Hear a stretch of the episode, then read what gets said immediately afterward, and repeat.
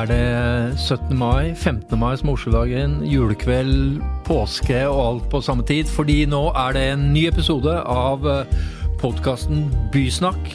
Den som stadig, stadig, stadig oftere sprer godlyd i ørene til alle som nå ikke bare bor i Oslo, men i Norge og snart hele verden.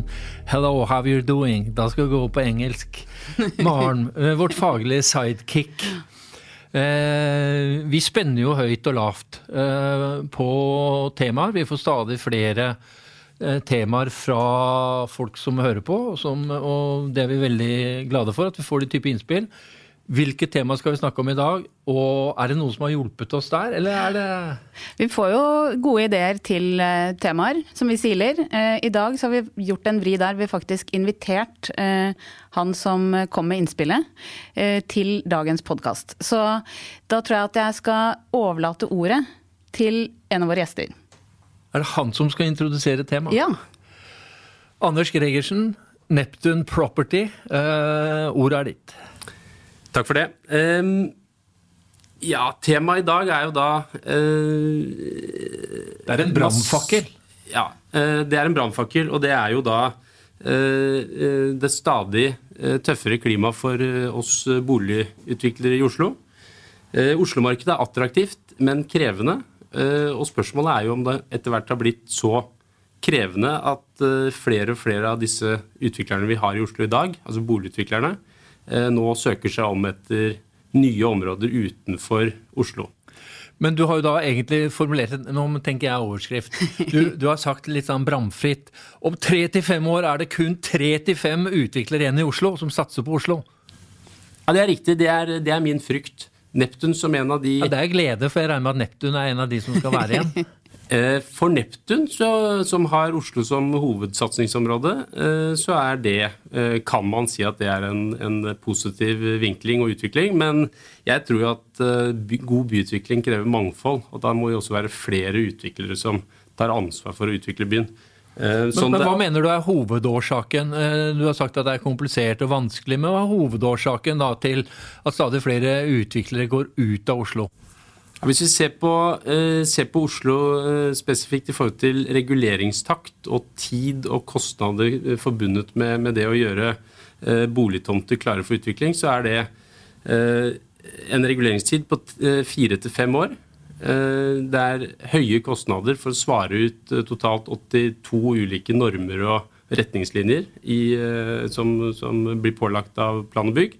Og vi, vi, vi ser det at det har blitt et, eh, et så uh, tungt uh, farvann å operere i at uh, det er enklere muligheter utenfor byen. Mm. Mansour Hussain, det, du er da det nye stjerneskuddet innenfor byutvikling til Arbeiderpartiet. Du er, sitter i byutviklingsutvalget. Mm.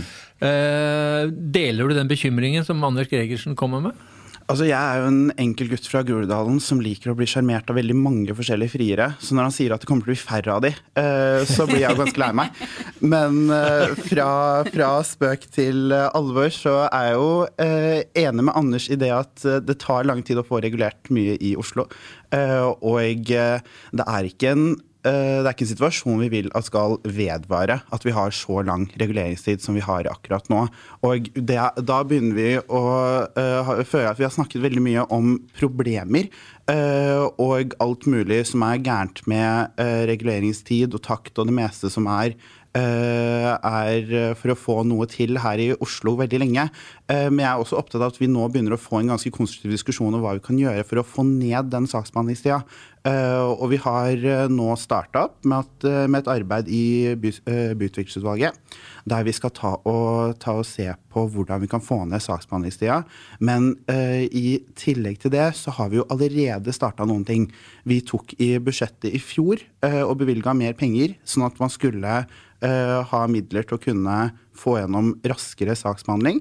Når vi bevilger de pengene fra bystyret, er det jo selvsagt en forventning om at det også gir noe på den andre sida. Og I tillegg så har jo nå plan- og byggesetaten jobba med et prosjekt for å se på hva de kan gjøre for å ta tidstyvene og få ned tida, og så se på de gode eksemplene der hvor ting har gått kjapt. Så her er det mye som er på gang allerede. Eh, og mye som vi må se enda nærmere på, prøve å få til enda mer på. Så jeg tror dette her jo er en veldig spennende innspill inn i den diskusjonen. Fordi som den enkle gutten jeg er, så vil jeg ha mange friere, og da vil jeg ikke at folk skal liksom stikke fra byen, for da blir jeg ganske lei meg. Men, ja, men eh, jeg bare tenker eh, For det er flere ting ved det. Altså, vi har jo diskutert flere anledninger. Uh, særlig i Oslo så er det jo da et vannskille i 2015, når vi da la fram den nye kommuneplanen, hvor man for første gang skulle begynne å fortette eksisterende boligområder. Det vil jo ikke folk, og det er naturlig. Altså, det er enklere uh, å sette opp 600 boliger ute på et jorde litt ute i, i Groruddalen hvor det er, men nå må du begynne å fortette. Altså, En av grunnene til faktisk at det tar lengre tid nå, er at det er blitt mye mer komplisert, fordi du må fortette eksisterende boligområder. Er du ikke enig i det? Jo, definitivt. Og dette er jo kanskje hovedproblemstillingen. Det som er interessant i den, uh, i den settingen, er jo Neptun er jo en boligutvikler som satser på etablerte nabolag. Eh, og derav også mye, kall det medvirkning, involvering, og sikkert også et konfliktnivå. Eh, det som er interessant med dette, da, er jo at de største opponentene inn mot en plansak gjerne er de første kundene. Og Det er jo fordi det vi faktisk prøver å få til, er jo attraktive boliger i områder. Ta eksempel Smestad. Eh, et område rundt Smestad med radius på 2000 meter så er det 3000 uh, eh, boliger. 2000 av det er familieboliger, og 1000 uh, eh, mindre leiligheter. Ser vi på demografien i samme område, så er det 2000 aleneboende eller par, mens det bare er 1000 familier. Det betyr at det er en mismatch i boligutnyttelsen i det området. veldig mange i det området sitter jo og venter på den riktige leiligheten for å flytte fra hus til leilighet.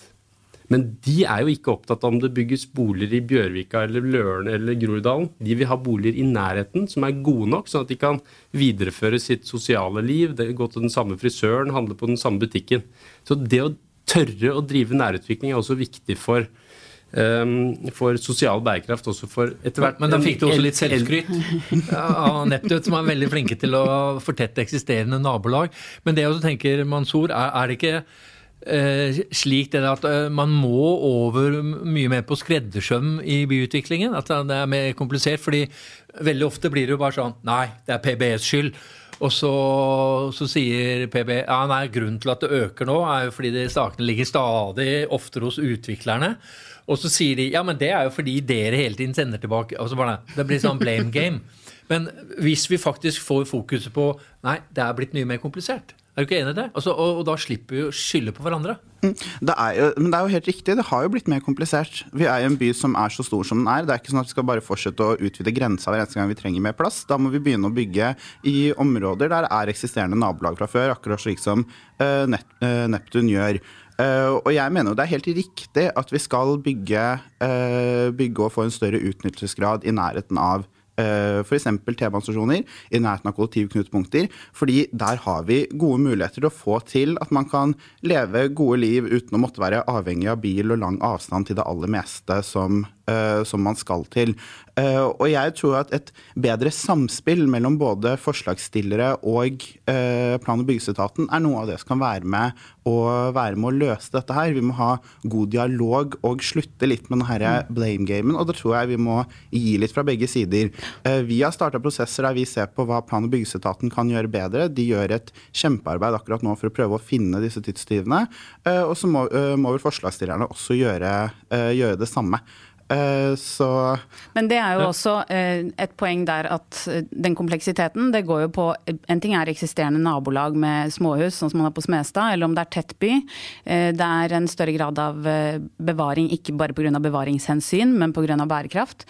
Og det er jo en, et noe man må operere i. Og da tror jeg at eh, fordi eh, kommuneplanen, eh, som er min nesten nærmeste venn, holdt jeg på å si. Det, det er liksom Din favoritt-erotisk litteratur? ja, ikke sant? Det var juicy.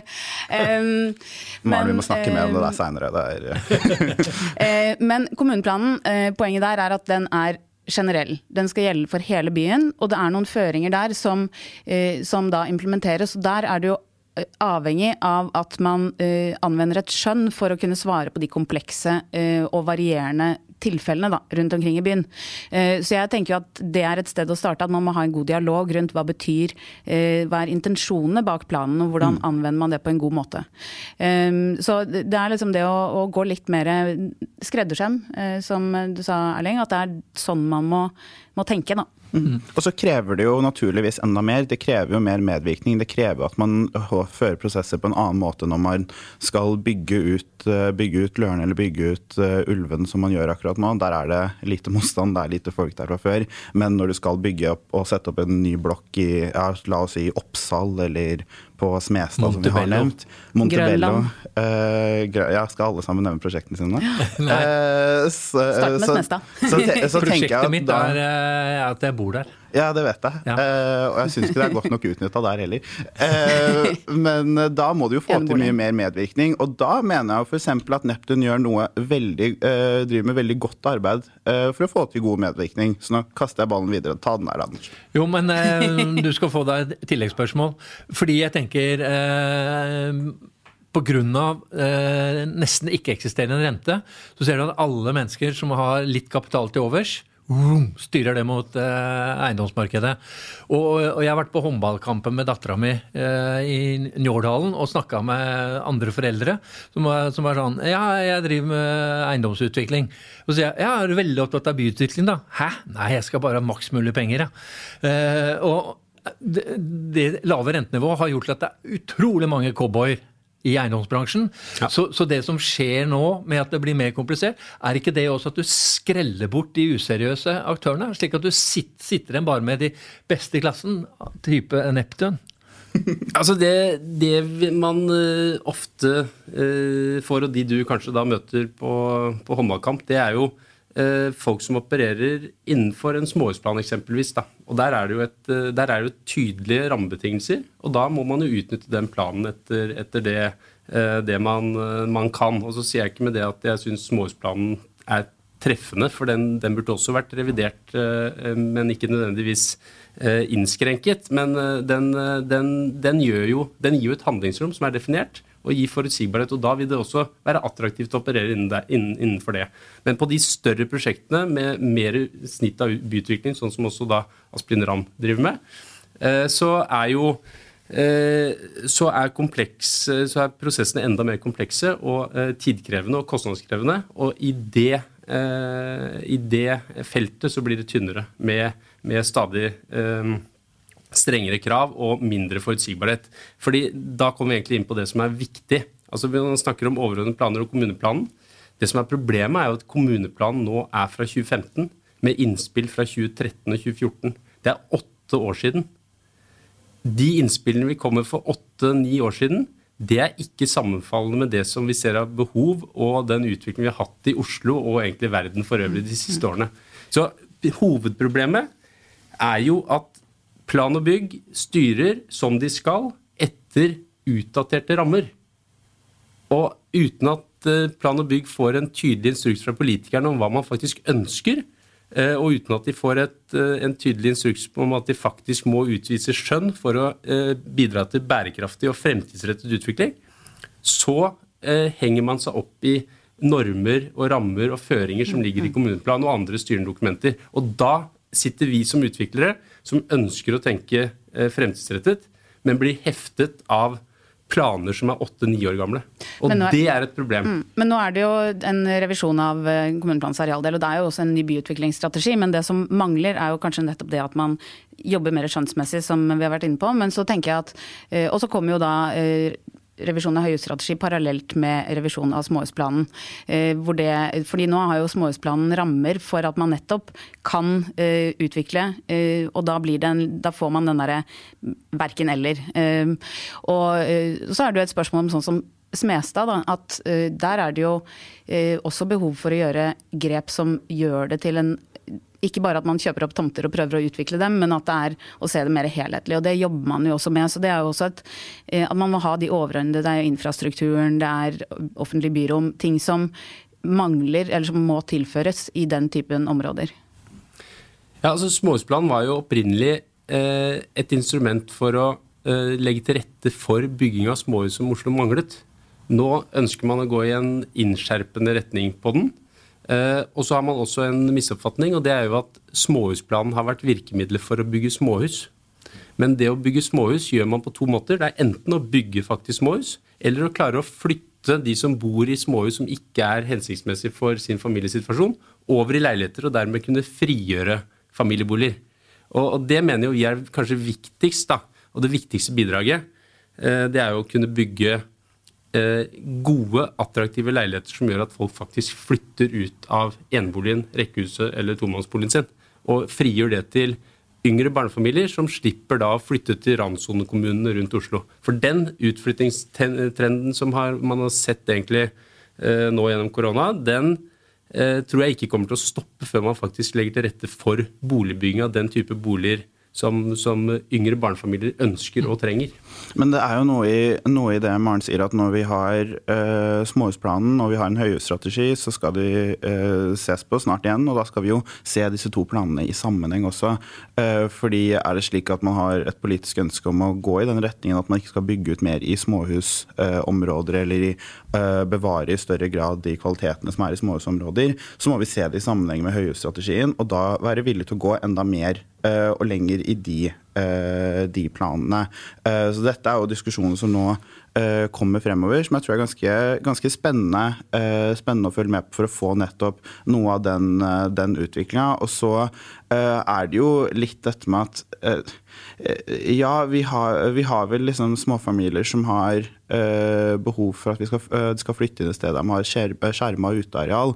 Uh, men samtidig så må man jo også se om hva, hva, slags andre kvaliteter er det man kan få inn som kan kompensere for nettopp det. Altså, jeg var og, var og så, på et, så, på et, fint foredrag om høyhus, der hvor jeg også fikk et lys opp for at det kan jo være et like godt uteareal om det er på en terrasse, hvis det er på et litt større, større, areal. Kan man se til andre byer, kan man se andre steder der man har klart å løse disse problemene. Oslo er jo ikke den eneste byen i verden som vokser, og samtidig må legge til rette for en god boligmiks, sånn at flere typer folk kan gjøre boligkarriere i Oslo.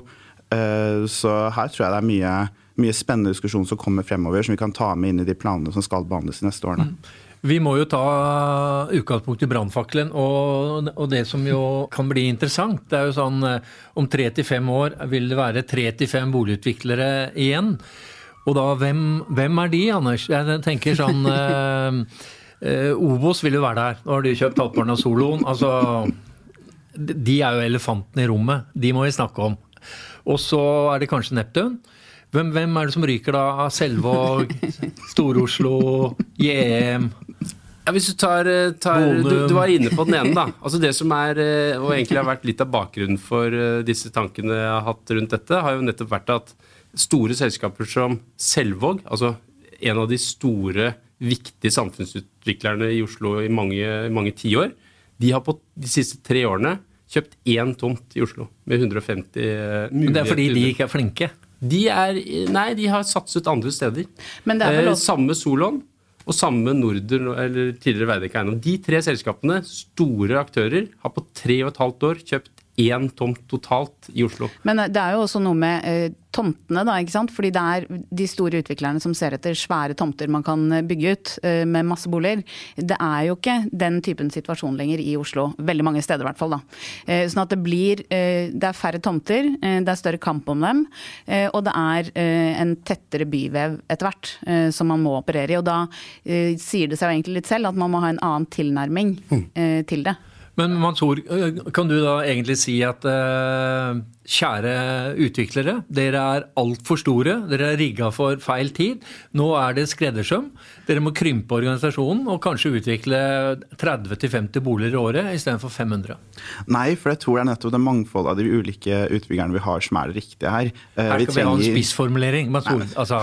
Nei, men vi, vi, treng, vi, trenger utbyggerne som eh, Neptun, som vil gå inn og se på akkurat uh, mindre prosjekter i områder som allerede er eh, bygget. Og så trenger vi, eh, trenger vi Obos. De er ikke noe elefant for meg, de er veldig flotte folk for meg.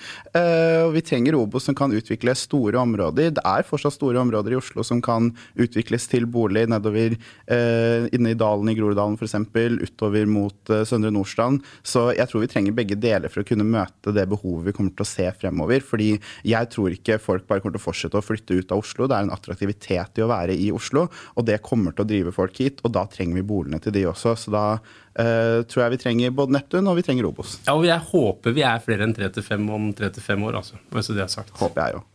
Maren?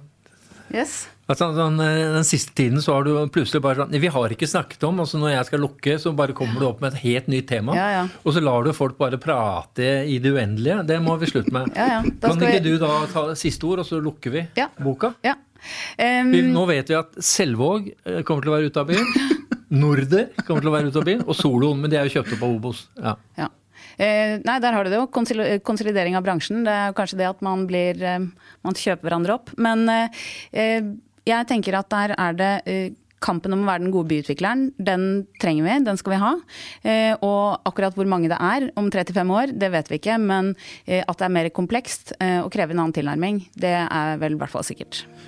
Da vil jeg avslutte med min favorittfilosof, eh, Spinoza, som avslutter sin etikk med 'alt stort er vanskelig'. Herlig, jeg elsker det. Takk for at dere kom, eh, Anders og Mansour. Takk for at du hørte på. Takk for i dag.